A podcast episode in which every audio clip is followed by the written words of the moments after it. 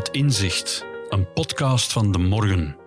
Ik ben Joël de Keulaar en in deze reeks praat ik met denkers, doeners en andere boeiende mensen aan wie ik vraag om een fundamenteel inzicht prijs te geven. Wat hebben ze geleerd over de wereld en het leven dat ze graag met ons willen delen? In deze aflevering is mijn gast Elisabeth de Wale. Zij is professor aan de VUB, voedingsdeskundige en intensiviste aan het UZ Brussel. Tijdens de pandemie stond ze bekend om haar kordate tussenkomsten in de media. Ze vertelt over leven en doodgaan, voeding en eetstoornissen en ons veel te romantische beeld van de natuur. Harmonie met de natuur is geen goed plan. De geneeskunde is een daad van verzet tegen de natuur.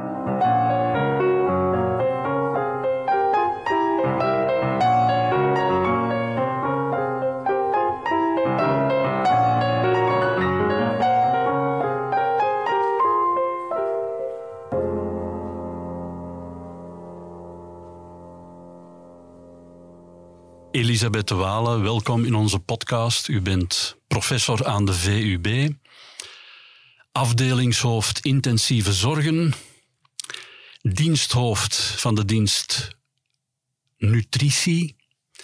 En ja, mensen kennen u natuurlijk. Eh, de meeste mensen zullen u kennen van tijdens de coronapandemie uh, u was toen regelmatig in de actualiteit, in het nieuws. U hebt ook aan topdokters meegedaan ook. Ook daarvan kunnen mensen u kennen. En u hebt een boek geschreven over uw ervaringen tijdens de pandemie. Intensief heet dat boek. Welkom in onze podcast. Mijn vraag aan u is dezelfde als mijn vraag aan alle gasten. Is er uit uw werk, uw ervaring, een inzicht te destilleren, een cruciaal fundamenteel inzicht dat u graag met ons wilt delen. Dank u wel voor de introductie en ook dank u wel voor de vraag. Ja, inderdaad, na twintig jaar in eh, medische middens te waren, daar waar patiënten mij nodig hebben, denk ik dat er één groot inzicht is dat overeind blijft en dat is de natuur is vreed en doodgaan is niet moeilijk. Dus wij denken dat de natuur onze vriend is, maar dat is helemaal niet zo. Het, is, uh, het kan heel snel keren. Mensen kunnen heel snel van een goede gezondheid of van een levende status naar een dode status gaan. Ik heb het heel vaak gezien. En uh, mensen zijn daar vaak de oorzaak van, maar ook heel vaak de oplossing. Doodgaan is niet moeilijk. Ja, dat is een hele natuurlijke reactie van het lichaam. Mhm. Er moet natuurlijk een oorzaak zijn. Hè. Die kunnen verschillende zijn. Dat kan mhm. een, een acuut trauma zijn, een zwaar verkeersongeval. Dat zien we gelukkig minder en minder, waar dat er zoveel interne bloedingen optreden dat de mens doodbloedt. Het kan een bloedvergiftiging zijn, waar het afweersysteem van het uh, menselijk lichaam in zo'n zware gradatie te werk gaat dat eigenlijk het lichaam in een soort van total shutdown gaat. Of het kan gewoon het uh, levenseinde zijn waar het er zoveel ja, mechanismen tegelijk falen dat iemand uh, ophoudt te bestaan. Hoeveel mensen hebt u al zien sterven? Oh, ik denk dat dat uh, misschien een 100, 150 tal. Ik kan het moeilijk inschatten. Ja, dat moet toch zoiets zijn, ja. En als we uw inzicht vastpakken, dan zegt u dat is de natuur aan het werk? Want de natuur is niet onze vriend. Eigenlijk als arts, intensivist, u strijdt tegen de natuur, zou je kunnen zeggen. Ja, want inderdaad, doodgaan is een fysiologische respons, maar dat is iets waar wij ons tegen verzetten. En dat is het mooie van geneeskunde, dat wij inderdaad die natuurlijke processen onderbreken. Nu, wanneer dat, dat gaat over iemand uh, wiens hartslag helemaal en begint achteruit te gaan. We zien ze, u kent zo die, die hartslag op de monitor die dan uh, begint te vertragen. Wel, ofwel staan wij daarop te kijken en zeggen we oei, het is zover. Ofwel halen wij een spuit adrenaline en wij spuiten dat rechtstreeks in de bloedbaan en dan zien we die hartslag weer mooi naar omhoog gaan. En dat geeft ons dan de tijd om de onderliggende reden aan te pakken. Dan spreek ik als intensivist die op een scherm staat te kijken bij een persoon die in een heel gemedicaliseerde toestand uh, aanwezig is. Maar uh, je kan het ook heel lichter gaan bekijken en bijvoorbeeld zeggen het dragen van een bril of het plaatsen van een heupprothese of het nemen van antibiotica is eigenlijk ook een acte van verzet tegen de natuur. Zonder antibiotica zouden wij hier wellicht niet gezeten hebben. Want een van onze ouders of voorouders zou wellicht uh, Hoe groot is de kans dat een man, zonder antibiotica, hoe groot is de kans dat we hier zouden zitten? Oh, ik denk dat we met veel minder zouden zijn. Ja. Zeker en vast. Dus het is uh, zeker zo dat ondanks, uh, of wanneer de geneeskunde niet, en de, meer als de geneeskunde wat betreft ook preventieve maatregelen, handen wassen, hygiëne, rioleringen uitvinden en zo verder, zonder dat allemaal zou de bevolking niet zijn wat ze nu is. En dan zou je misschien kunnen denken, oh dat kan dan goed nieuws zijn, hè, want we zijn met veel te veel. Maar het is wel het spijtige dat we dan eerst geboren worden om dan dood te gaan. En dat heeft toch heel veel leed en uh, miserie met zich mee. Dus nee, het is zeker zo. We hebben eigenlijk drie belangrijke mechanismes om ons te verzetten tegen de natuur. Als arts spreek ik dan. We hebben het manuele, bijvoorbeeld. Um, u snijdt zich per ongeluk en u hebt een hele zware bloeding. Wel, wij kunnen daar onze vinger op zetten. We brengen u naar een ziekenhuis, we zetten daar een klem op en met een simpele naald en draad overhechten we het bloedvat en u bloedt niet dood. Dus dat is de manuele therapie. Dan hebben we dus de medicatie, de antibiotica, maar ook eh, chemotherapie, eh, de vaccins. Dus alles wat we eigenlijk ja, aan het lichaam toevoegen om het lichaam dan wapenen tegen een bepaalde strijd.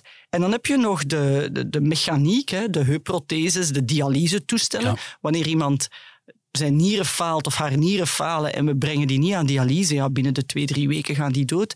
Met die toestellen kunnen die gewoon nog jarenlang verder. Dus de mens heeft verschillende manieren ontdekt en geperfectioneerd om veel leed te besparen en veel mensenlevens te redden. Want de natuur inderdaad, ik weet niet, uh, het is niet Darwin zelf denk ik die dat schreef, maar dat is toch een, bekende, een bekend citaat dat aan zijn werk kleeft, zeg maar. Nature is red in tooth and claw.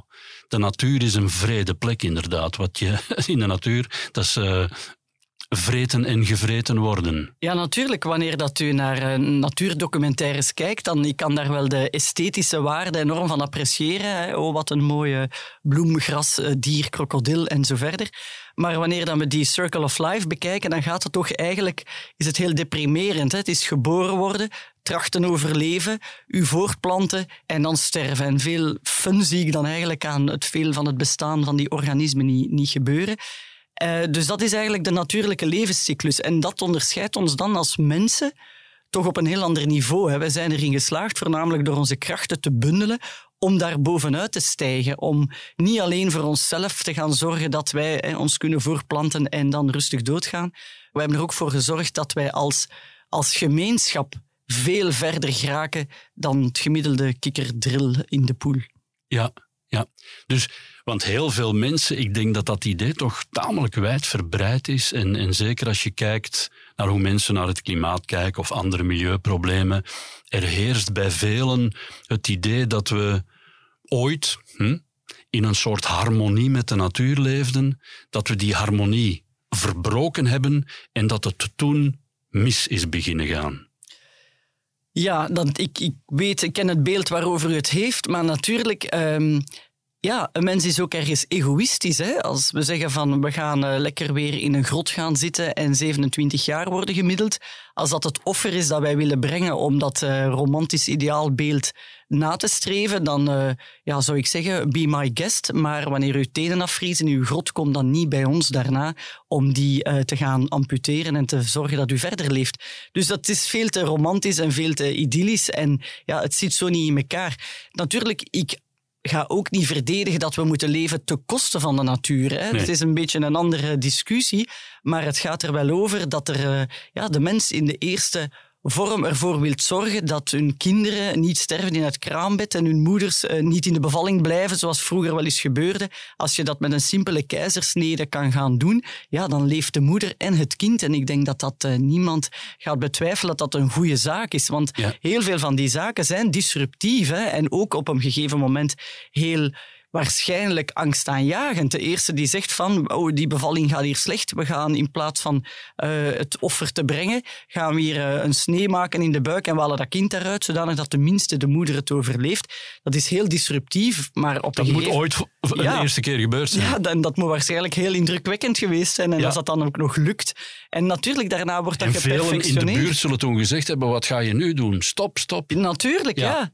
Maar de, de andere kinderen en de echtgenoot en de vader van het kind zullen waarschijnlijk heel blij geweest zijn om niet het zoveelste uh, familiedrama te moeten meesleuren, zoals dat er heel veel mensen in hun omgeving en in hun generatie wel hebben Ja, gehad. want dan moet ik, met, ik moet nu meteen denken aan, aan, aan, aan de trend dat heel veel mensen die willen lekker romantisch thuis bevallen en, eh, oh ja, enzovoort. En ehm, levensgevaarlijk. Nederland heeft de hoogste perinatale mortaliteit van heel Europa. hè. ja, Ja, dat is zo. mortaliteit, dus... eh, Natuurlijk, omdat wat, wat, wat, het is perinatale mortaliteit, mensen sterftecijfers ja, van kinderen en, en ook moeders hè, bij de geboorte. bij de geboorte. Ja. En dat komt omdat daar veel thuis wordt bevallen? Natuurlijk, omdat natuurlijk, laat ons zeggen, 999 gevallen op 1000 zal dat misschien goed verlopen.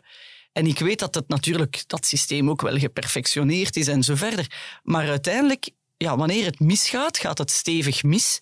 En wanneer er dan een heel kader aanwezig is om te gaan ingrijpen, wanneer dat je bevalt in een ziekenhuis waar gynaecologen zijn, meestal zal de vroedvrouw dat natuurlijk alleen kunnen afhandelen, hè, want natuurlijk proces en zo Mhm, verder.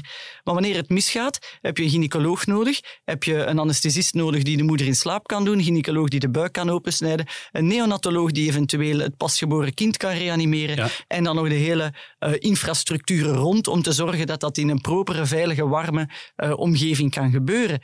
En ja, opnieuw, daar heb je dan wel weer een mensenleven gered, wat dat anders waarschijnlijk niet zou gebeurd zijn. En dat is dan the price you need to pay. Ja. En dat is opnieuw de oefening. En dat is ook een beetje not in my backyard natuurlijk. 999 vrouwen gaan heel graag thuis bevallen, alhoewel ik dan denk, eh, ja, die smeerlapperij niet op mijn vast tapijt. Maar ehm één keer op duizend, ik ken nu niet het juiste cijfer, Nee, goed, zal het maar- misgaan. En als je die persoon bent, dan denk ik wel, ja, berouw komt na de zonde. Ja, want inderdaad, dat is het idee van de natuur is mijn vriend en laten we het op de natuurlijke manier doen, zoals vroeger en zo verder. Want ja, vroeger gebeurde dat zo. Zeker voor de Tweede Wereldoorlog denk ik dat iedereen thuis beviel, of toch eh, vele mensen, zeker op het platteland. En nu denkt men, ja, ik ga bevallen in harmonie met de natuur zoals de natuur het bedoeld heeft. En men loopt eigenlijk een risico. Ik vind dit wel tamelijk eh belangwekkend wat u zegt. Ja. Tuurlijk, de natuur is helemaal niet zo Ja, de natuur is onze vriend. Is onze vriend nee, niet, hè? nee, is onze vriend niet. En er zijn zoveel voorbeelden, zoals we juist aangehaald hebben, hè, waar dat, dat wel uit blijkt. Maar mensen schatten te weinig in dat ze een keer aan de, aan de vredekant van de natuur kunnen terechtkomen. Hè? Of dat dan nu een, een eh, colonkanker is, of een beroerte, of een hartaanval. Een hartaanval kan ook iets heel natuurlijks zijn, maar ik denk iedereen die in zijn omgeving een vader of een moeder gezien heeft die, die een hartaanval overleefd heeft en nu een stentje heeft of een eh, operatie heeft gehad en lekker weer tien jaar verder kan, dan denk ik, ja, wat heb je daar in godsnaam tegen? Daar kan toch niemand tegen zijn? Daar kan je toch niet tegen dat zijn? Zou je, nee, dat zou je denken, Ja. inderdaad. En dat is natuurlijk ook van het moment dat het heel concreet wordt, gaan de mensen heel vaak wel het eh, roer omgooien en dan zeggen van ja, maar nu zou ik toch wel graag al die kunstmatige, synthetische zorg, zaken gaan hebben waar ik het eigenlijk niet zo voor had. Ja, wanneer het dan uiteindelijk toch voor mijn eigen gezondheid kan eh, gaan een voordeel bieden. Soms gaat dat toch wel nog verder, hè, dat mensen hun ideologie zo ver gaan brengen. Bijvoorbeeld, eh, denk aan ja, ook overtuigingen rond voeding. Hè. Kinderen die baby's veganistisch willen opvoeden, waar dat daar dan gewoon ja, zuigelingen sterven. Hè. Er is eh, onlangs een kind gestorven omdat de ouders dat veganistisch wilden opvoeden. Ja? Wat natuurlijk helemaal tegen de natuur is. Hè. Een kind heeft eh, eiwitten nodig en eh, heeft vetten nodig. En dat, ja, die waren allemaal niet aanwezig in die voeding. Dus we kunnen ook heel veel verkeerd doen vanuit overtuiging. Dat is ook een- Veganisme zit enorm in de lift, heb ik de indruk. Of, of dat zal misschien om kleine percentages gaan.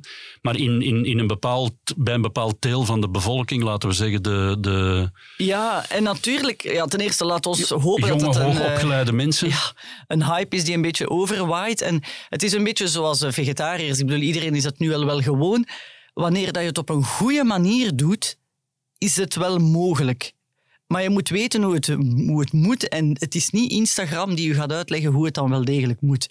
En daar gaat er eh, heel veel fout bij goede bedoelingen, waar inderdaad die romantische ideeën of andere ja, invloeden gaan ervoor zorgen van oh, ik ga mijn eh, leven zo aanpassen. Maar wanneer dat op een, uh, een ja, niet correcte wijze gebeurt, dan, dan kan dat heel erg misgaan. er is wel de ethische component natuurlijk hè, van vegetariërs, die ik zeer goed begrijp. Er is enorm veel dierenleed. Ja, en inderdaad, dat is natuurlijk weer het extreme. Hè. Ik mhm. zeg ook niet dat u elke dag uh, plofkippen moet gaan eten. Dat is natuurlijk helemaal niet de boodschap. Maar het is wel zo dat een mens... Maar waar moet je op letten als je geen dierlijke proteïne en, en, en, en vetten meer wil eten? Vitamine B12 Waardoor kun je dat vervangen? Ja, eigenlijk moet je altijd een beetje cheaten.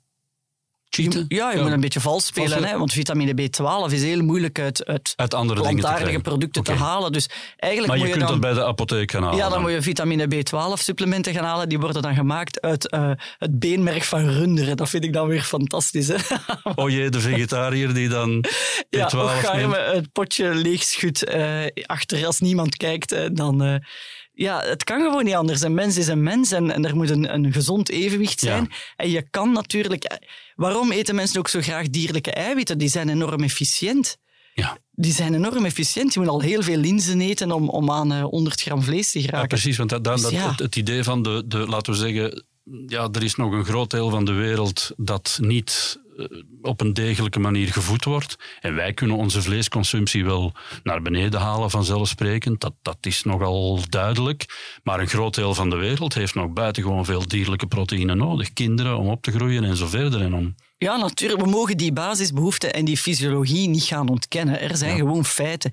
Kinderen hebben vet nodig om hun hersenen te ontwikkelen. Dus een eetpatroon voor iemand van 40 jaar die wat riskeert was zwaarlijvig te worden, mag nooit vertaald worden op opgroeiende kinderen, want die hebben ook andere behoeften. En u hebt het zelf aangehaald, hè, wat dat wij ook zien toenemen, voornamelijk bij die hoogopgeleide uh, mensen, is orthorexia nervosa, dus eigenlijk een te obsessief streven naar een zogezegd gezond voedingspatroon, wat er eigenlijk voor zorgt dat mensen niet meer aan hun lichaam geven wat ze nodig hebben. Niet alleen in hoeveelheid, dus al aantal calorieën en aantal eiwitten, maar ook in samenstelling. Uh, ik zeg het, je moet al heel veel hopscheuten en blauwe bessen eten voordat je 2500 kilocalorieën en 100 gram eiwit binnen hebt paleo-dieet. Dat is ook buitengewoon in. Dat zou dan hyper natuurlijk zijn, want dan gaan we terug naar hoe we als jagers-verzamelaars aten, al, zo gezegd. Die jagers die werden gemiddeld 27 jaar oud, dus ik kan u dat niet aanbevelen om uh, zo te gaan eten.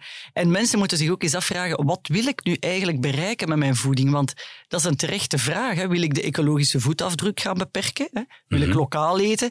Uh, wil ik ervoor zorgen dat ik niet obese word, want dan weet ik dat ik diabetes ga krijgen, maar niet alleen diabetes, maar ook darmkanker en zes andere kankers die gelinkt zijn aan overgewicht. Mhm. Eh, ja, wat is eigenlijk de, het doel? Wat is uw idee over voeding? En dan mag je dat gaan zetten naast de elementaire basisbehoeften van het, van het dier mens. En dan mag je daar ergens een evenwicht in gaan zoeken. Maar ik zou dan liever hebben dat u eens één keer een half uur met een diëtiste gaat praten om dat allemaal te verzoenen, dan urenlang op social media te gaan uh, puzzelen en uh, dure supplementen te gaan kopen en uiteindelijk uw lichaam veel uh, ja, kwaad en onrecht aandoen. Is er geen... het is een vraag.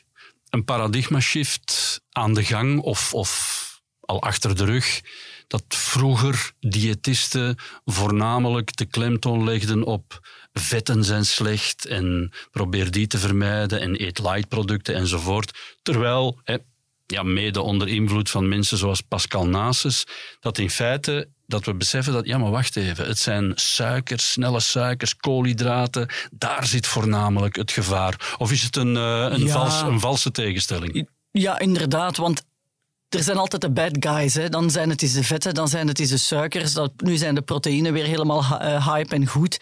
Maar eigenlijk is het gewoon zo dat elk menselijk lichaam een bepaalde ratio of verhouding nodig heeft van eiwitten, vetzuren en suikers. En natuurlijk moeten die suikers geen vloeibare uh, frisdranken zijn, maar die kan je even goed uit uh, fruit gaan halen. Maar als we dan gaan doorslaan en zeggen, oh, we gaan alleen maar fruit eten, dan zeg ik vaak om te lachen, ja, dat is een frisdrank met wat vitamine bij. Dat zit ook bomvol suikers. Maar dat is oké. Mensen hebben suikers nodig, mensen hebben eiwitten nodig en mensen hebben vetten nodig. En die, die verhouding daartussen die ligt ook redelijk vast.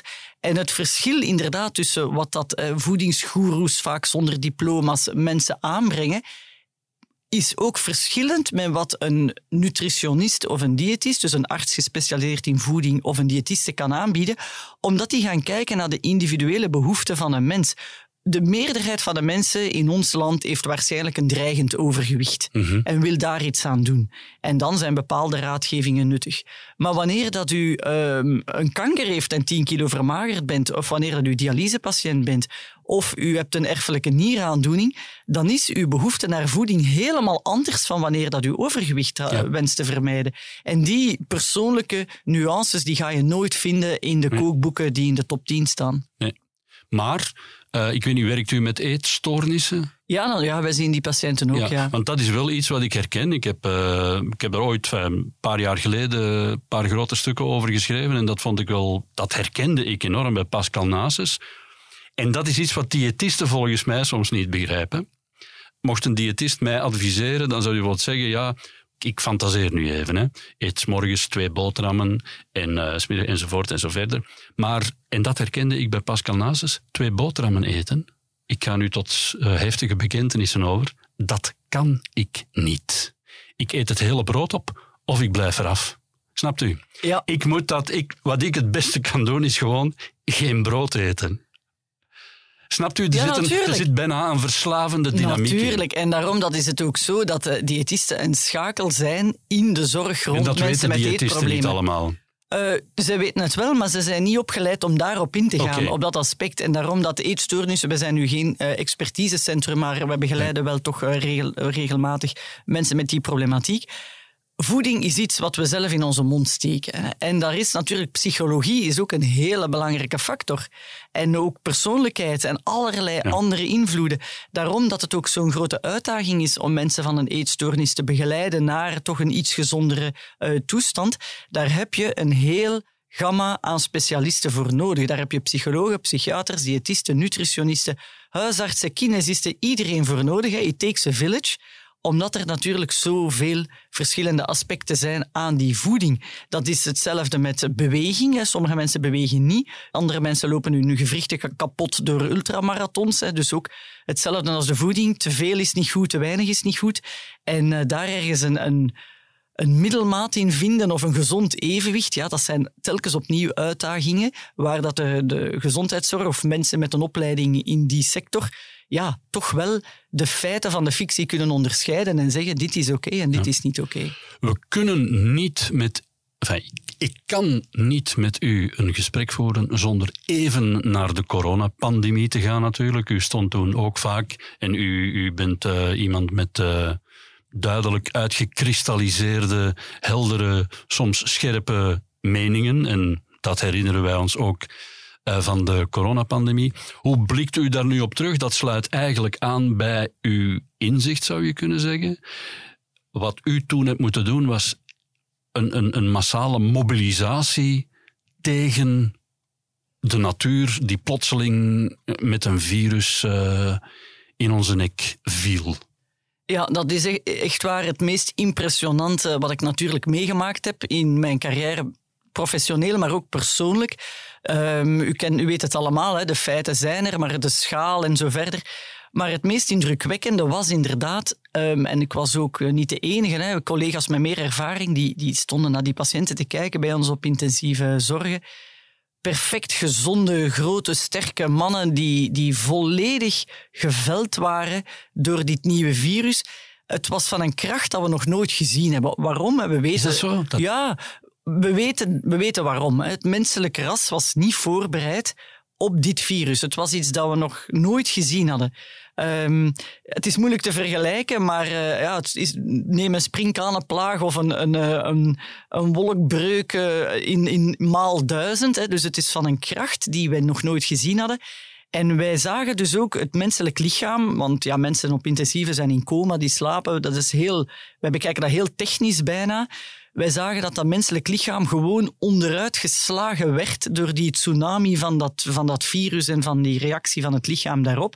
En Die cytokinestorm, ja, zoals het het was ja. ongelooflijk. Ja. Perfect. Gezonde mensen gingen gewoon dood onder onze Voor ogen. de hè. goede orde, want dat, dat is anekdotisch natuurlijk wat ik heb gehoord. U kunt daar met meer kennis van zaken over spreken. Ook gezonde, prille veertigers, Ja. mannen, atletisch, sportief, Natuurlijk. Geen enkele uh, onderliggende aandoening of wat dan ook, die op intensieve in, in coma moesten. Ja, in multiorgaanfalen, hè, de nieren kapot, de longen kapot, hart kapot of, of, of zwaar beschadigd perfect gezonde mensen. Want ik weet op een gegeven moment, en dat was ook de boodschap die we heel belangrijk vonden, dat we die naar buiten brachten. Van, dit is niet zo van, hè, we gaan even het kreupelhout door het bos uh, uit laten waaien. Ja, dat, was, uh, dachten sommigen. Hè? Ah, het zijn toch maar de oudjes ja, die voilà, sterven. dat, van, uh, dat is niet zo erg. Het zijn de losse takjes die afbreken. Ja, dat was dus niet het geval. En dat, dat natuurlijk is dat wel zo geweest. Hè? Want het is natuurlijk, ja, de mensen die het zwakste zijn, gaan, gaan er uh, het gemakkelijkst op reageren. Waarschijnlijk heeft het wel een soort genetische predispositie geweest bij bepaalde mensen die er gewoon ja, gevoeliger aan waren. Maar er zijn perfect gezonde mensen die u zojuist omschreven heeft, uh, ofwel net niet doodgegaan omdat ze juist zo sterk waren, ofwel wel doodgegaan, hè, waar dat jonge moeders gewoon ja, dood vielen in hun, in hun living met drie kinderen die daar rondliepen, omdat het menselijk lichaam niet voorbereid was tegen deze aanval. En uh, dat was heel impressionant om te zien. Ik zeg het, ik heb al veel mensen zien doodgaan en mijn, mijn meer ervaren collega's nog veel meer. Maar dit was iets ongezien. Ongezien. Daarom dat het zo belangrijk was om die virusverspreiding tegen te gaan. Hè? You could be next. Het is soms uh, een maar beetje... wordt nu op terug, in de, in de terugblik... Uh, we, we, zijn nu voorjaar 2023. Misschien mensen kunnen deze podcast ook nog veel later beluisteren. Maar we bevinden ons in het voorjaar van 2023. Het ergste is achter de rug. Dat is vrij duidelijk. Er zit een zekere immuniteit in de mhm. bevolking. Dat lijkt uh, bij lange uiteraard niet meer zo disruptief als toen. Maar bij sommige critici van het beleid toen heerst nu zoiets van, ja, was dat dan allemaal wel nodig? Dat idee leeft bij veel mensen. Hè? Hebben we niet te zwaar ingegrepen? Was er niet te veel paniek enzovoort en zo verder? Ja, iedereen speelt daar zijn rol, maar het is een soort uh, klimaatontkenning. Hè. De, kan moeilijk de corona-ontkenning gaan doen. En iedereen bekijkt dat ook heel erg vanuit zijn persoonlijk standpunt. Ben je ermee geconfronteerd geweest, ja of nee? Het is een beetje een parallel. Hè. Wanneer dat je niet met je voeten in het water staat op je eiland ergens uh, in Indonesië, dan kan je heel goed zeggen, oh, dat valt toch best nog mee met die klimaatveranderingen. Ja. En hetzelfde is een beetje met de corona. En ik denk ja, elke dode was er één te veel en elk leven dat we gered hebben is een leven dat we gered hebben. En zelfs mensen die niet in hun onmiddellijke omgeving eh, geconfronteerd zijn met het, eh, met het leed, mag wel heel erg trots zijn op het feit dat zij leed bespaard hebben aan andere mensen of mogelijk aan zichzelf of iemand in hun omgeving. Dus uh, ik denk zeker en vast dat, uh, dat we niet te weinig hebben gedaan. Er zullen hier en daar wat ja, uitschieters geweest zijn van ja, dat is misschien niet zo efficiënt geweest. Maar de algemene beweging die we gedaan hebben, heeft enorm veel mensenlevens gered en heeft de schade beperkt. Hè? Want de schade is er zeker. En dan mogen we toch nooit vergeten, de oversterfte die er geweest is, die wij met onze eigen ogen hebben gezien. Om dan nog te zwijgen van de indirecte schade van mensen die hè, uitgestelde operaties en zo verder, die nog becijferd wordt en becijferd is daar is toch, uh, dat is iets du jamais vu. Hè. Dat gaan we nooit mogen verminderen in waarden of gaan bagatelliseren. Dat gaan we zeker niet mogen doen. U bent nutritionist en intensivist. Mag ik dat een rare combinatie vinden?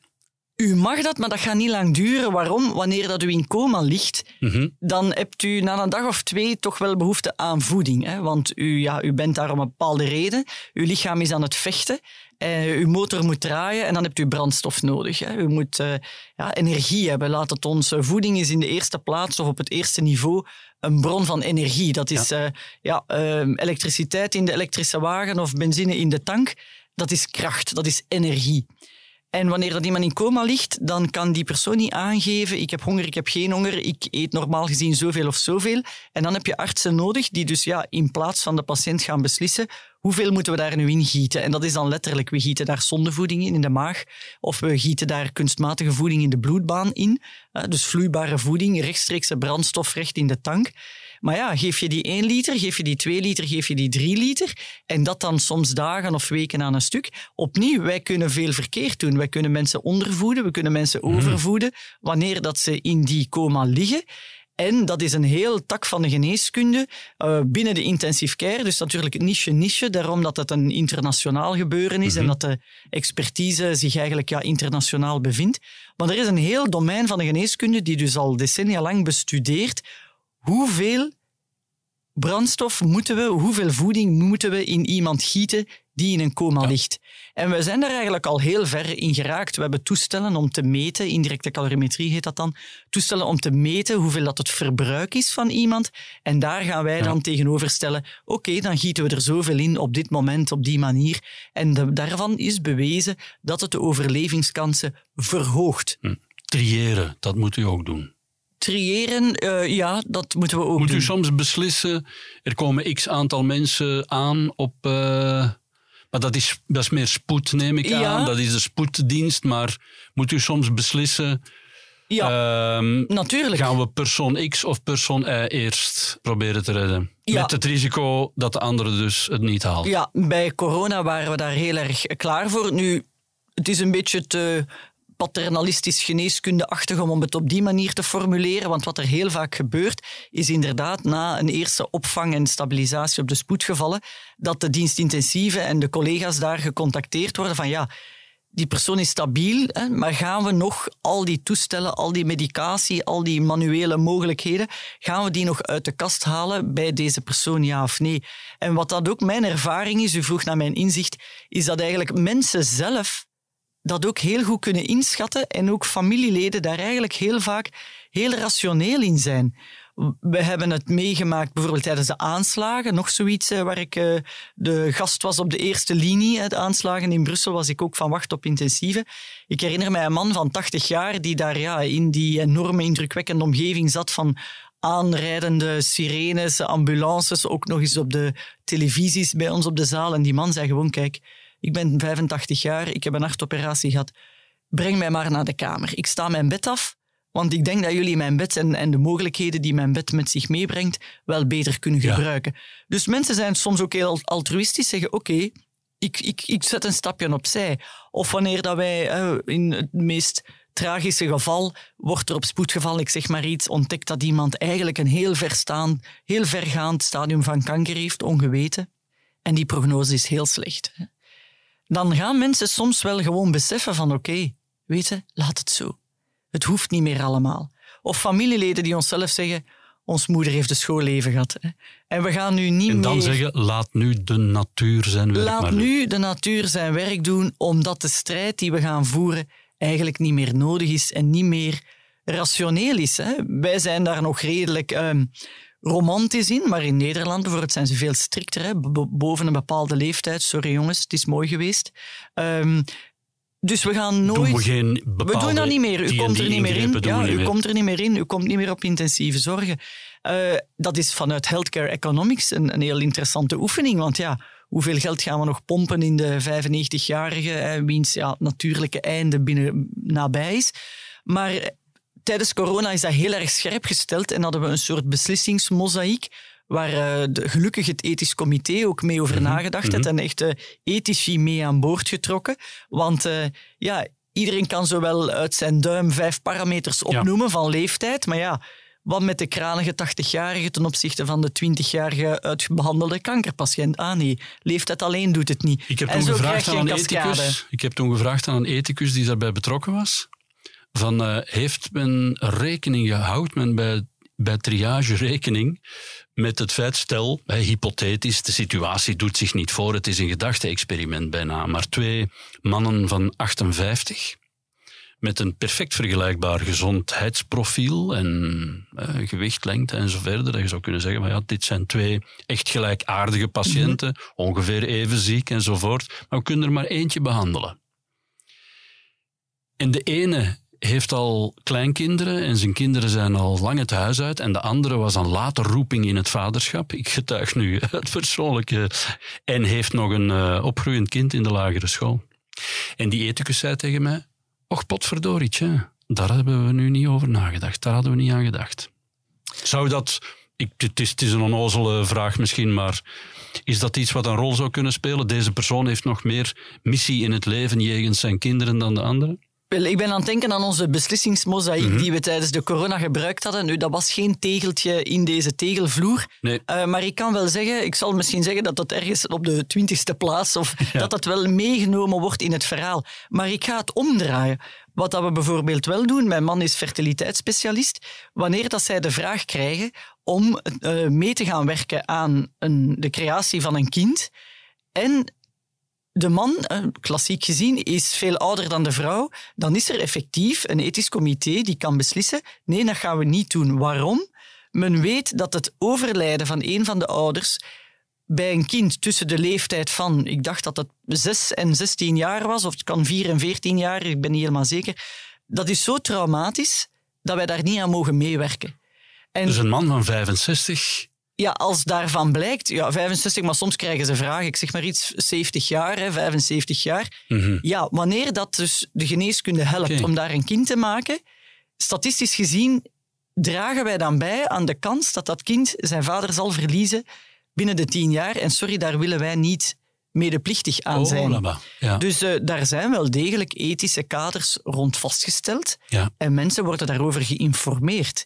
Dus het is maar als die 75-jarige die zou toch voor hetzelfde geld nog gewoon geheel op eigen kracht een kind kunnen verwekken. En natuurlijk, en dat is natuurlijk het ironische van de zaak. Hè? Wanneer dat, en stel dat het dan nog de problematiek bij de vrouw ligt, ja, dan is het dubbel pech.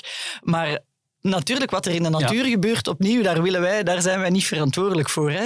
Uh, daar kan je heel, heel goed doen wat je ah. zelf wil. Maar wanneer dat er een, een instituut, zoals een ziekenhuis, een arts, een verpleegkundige, een embryoloog uh, beslist van ik ga hier actief aan meewerken, ja, dan moet hij ook wel zelf in het reinen zijn met... Dat perfect aan bij uw inzicht. Wat, want u zegt, ja, wat op natuurlijke wijze gebeurt, ja, daar gaan wij wanneer het onze zaken niet wordt. op natuurlijke wijze, die uw zaken niet zijn inderdaad, voilà. daar gaat u zich niet mee bemoeien. Maar als het op niet-natuurlijke wijze gaat, dan komen we in een, uh, in een ethische... De individuele vrijheid gaat zover als uh, die, waar dat die van ons begint natuurlijk. Hè. Dus uh, hetzelfde rond leven zijn, dit is levensbegin, levenseinde.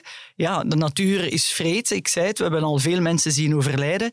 Uh, daar nemen wij onze verantwoordelijkheid aan, dan zeker aan de VUB en TUZ uit Brussel, om dat lijden, om daar niet op te staan kijken en om te zeggen, jongens, dit is zo vreed, ja. uh, hier gaan we niet staan kijken, zeker niet opnieuw, omdat het in onze mogelijkheden ligt om dit uh, lijden te verzachten. Ik heb ooit, en het is lang genoeg geleden om erover te getuigen, in een katholiek ziekenhuis gewerkt en ik heb daar mensen zien, ik heb daar een patiënt zien creperen, hè, bloed overgeven totdat het op plafond en de muren hing. Ja. En ik mocht niet tussenkomen. Ze hadden expliciet gezegd, die arts van de VUB, die mag je niet bij de patiënt roepen.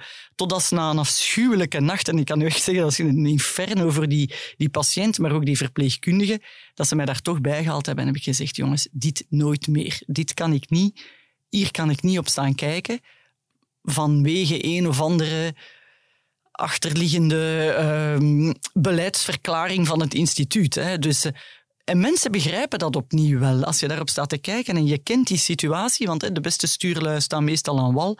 Als je geconfronteerd wordt met die vreedheid van de natuur en je bent in de mogelijkheid om daar iets aan te doen, mhm. dan nemen wij onze verantwoordelijkheid. Maar er zitten de, wat, hoe kijkt u naar, tot slot misschien even, naar, naar dat gaatje, uh, gat een gapend gat in de euthanasiewetgeving, dat je dus een wilsbeschikking kunt opstellen, maar die is alleen wettelijk uitvoerbaar bij iemand die zich in een onomkeerbare coma bevindt.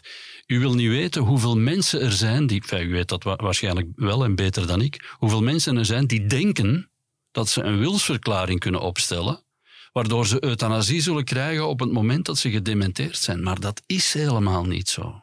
Nee, dat is, af, eh, dat is een, eh, een, inderdaad, zoals u zegt, een afschuwelijke lacune. Hè? Hetzelfde met de levenseinde bij maar mensen. Zou het, maar, maar, zou u het als arts uh, ja, over uw hart krijgen om, die, om, om te zeggen van oké, nu, dit is het moment? Ik ben geen lijfarts, maar ik ken er wel voldoende. En ik ben ook geconfronteerd met opnieuw inderdaad die situaties waar dat je denkt van jongens, Vooral wanneer dat die persoon dat zelf niet gewild zou hebben. Hè? Want we mogen natuurlijk niet uh, God gaan spelen over iemand anders. En daarvoor ben ik helemaal niet opgeleid uh, aan onze universiteit.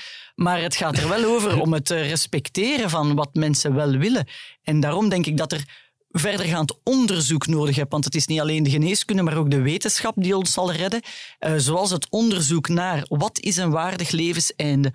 Uh, wanneer mensen in coma zijn in een, on, in een duidelijk nefauste prognose, waar dat we dan ofwel moeten zeggen, we laten onze machines nog twee weken blazen totdat ja. de schimmels uit de oren groeien, of we zeggen gewoon, kom, laat het zo, hè, laat ons wat dat we in onze kennis en macht hebben gebruiken om die tot een sereen einde te brengen. Daar ontbreekt nog te veel wettelijk kader en ik denk dat het onze opdracht is, en zeker de onze, om daar onderzoek naar te gaan doen, bijvoorbeeld aan de familieleden te vragen is dit voor u een waardig einde? Als dit twee minuten duurt of twee uur in plaats van twee weken, kan u daarmee leven? Wat zou de persoon zelf gewild hebben? Mhm. En inderdaad, als, wanneer die persoon dat op voorhand zou gegeven hebben... kan het gaan om twintig jaar, bijvoorbeeld. Ja, ja, ja inderdaad.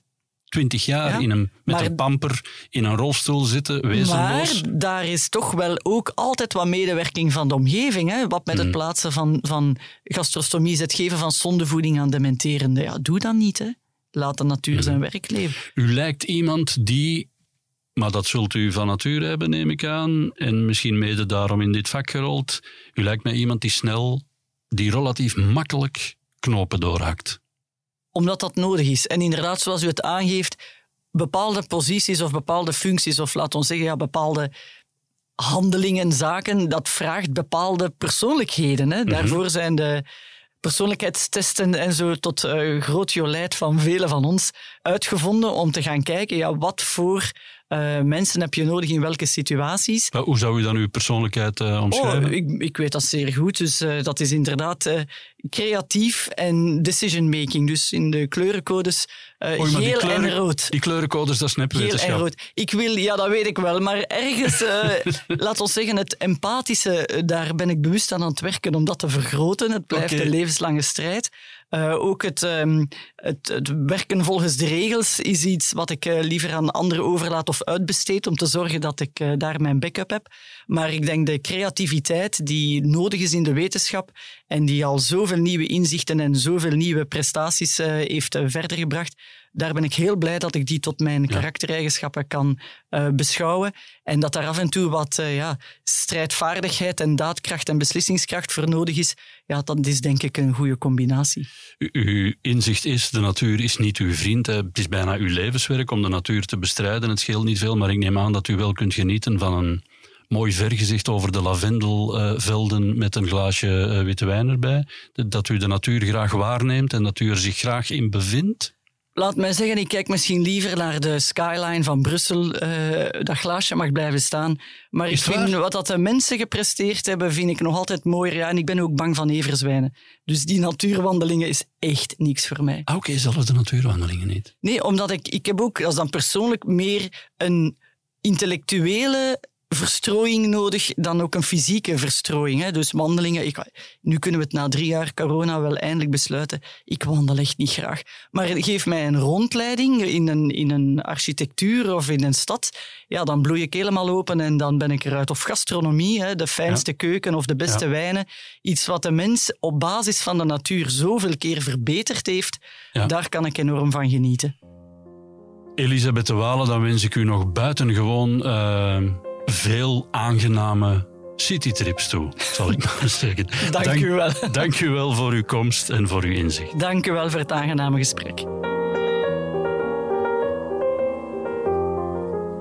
U luisterde naar een aflevering van Het Inzicht, een podcast van De Morgen. Ik bedank Dries Vermeulen voor de productie en Sam Vijs voor de eindredactie. Meer afleveringen van deze podcast vindt u in de app van De Morgen of via Spotify of Apple Podcasts.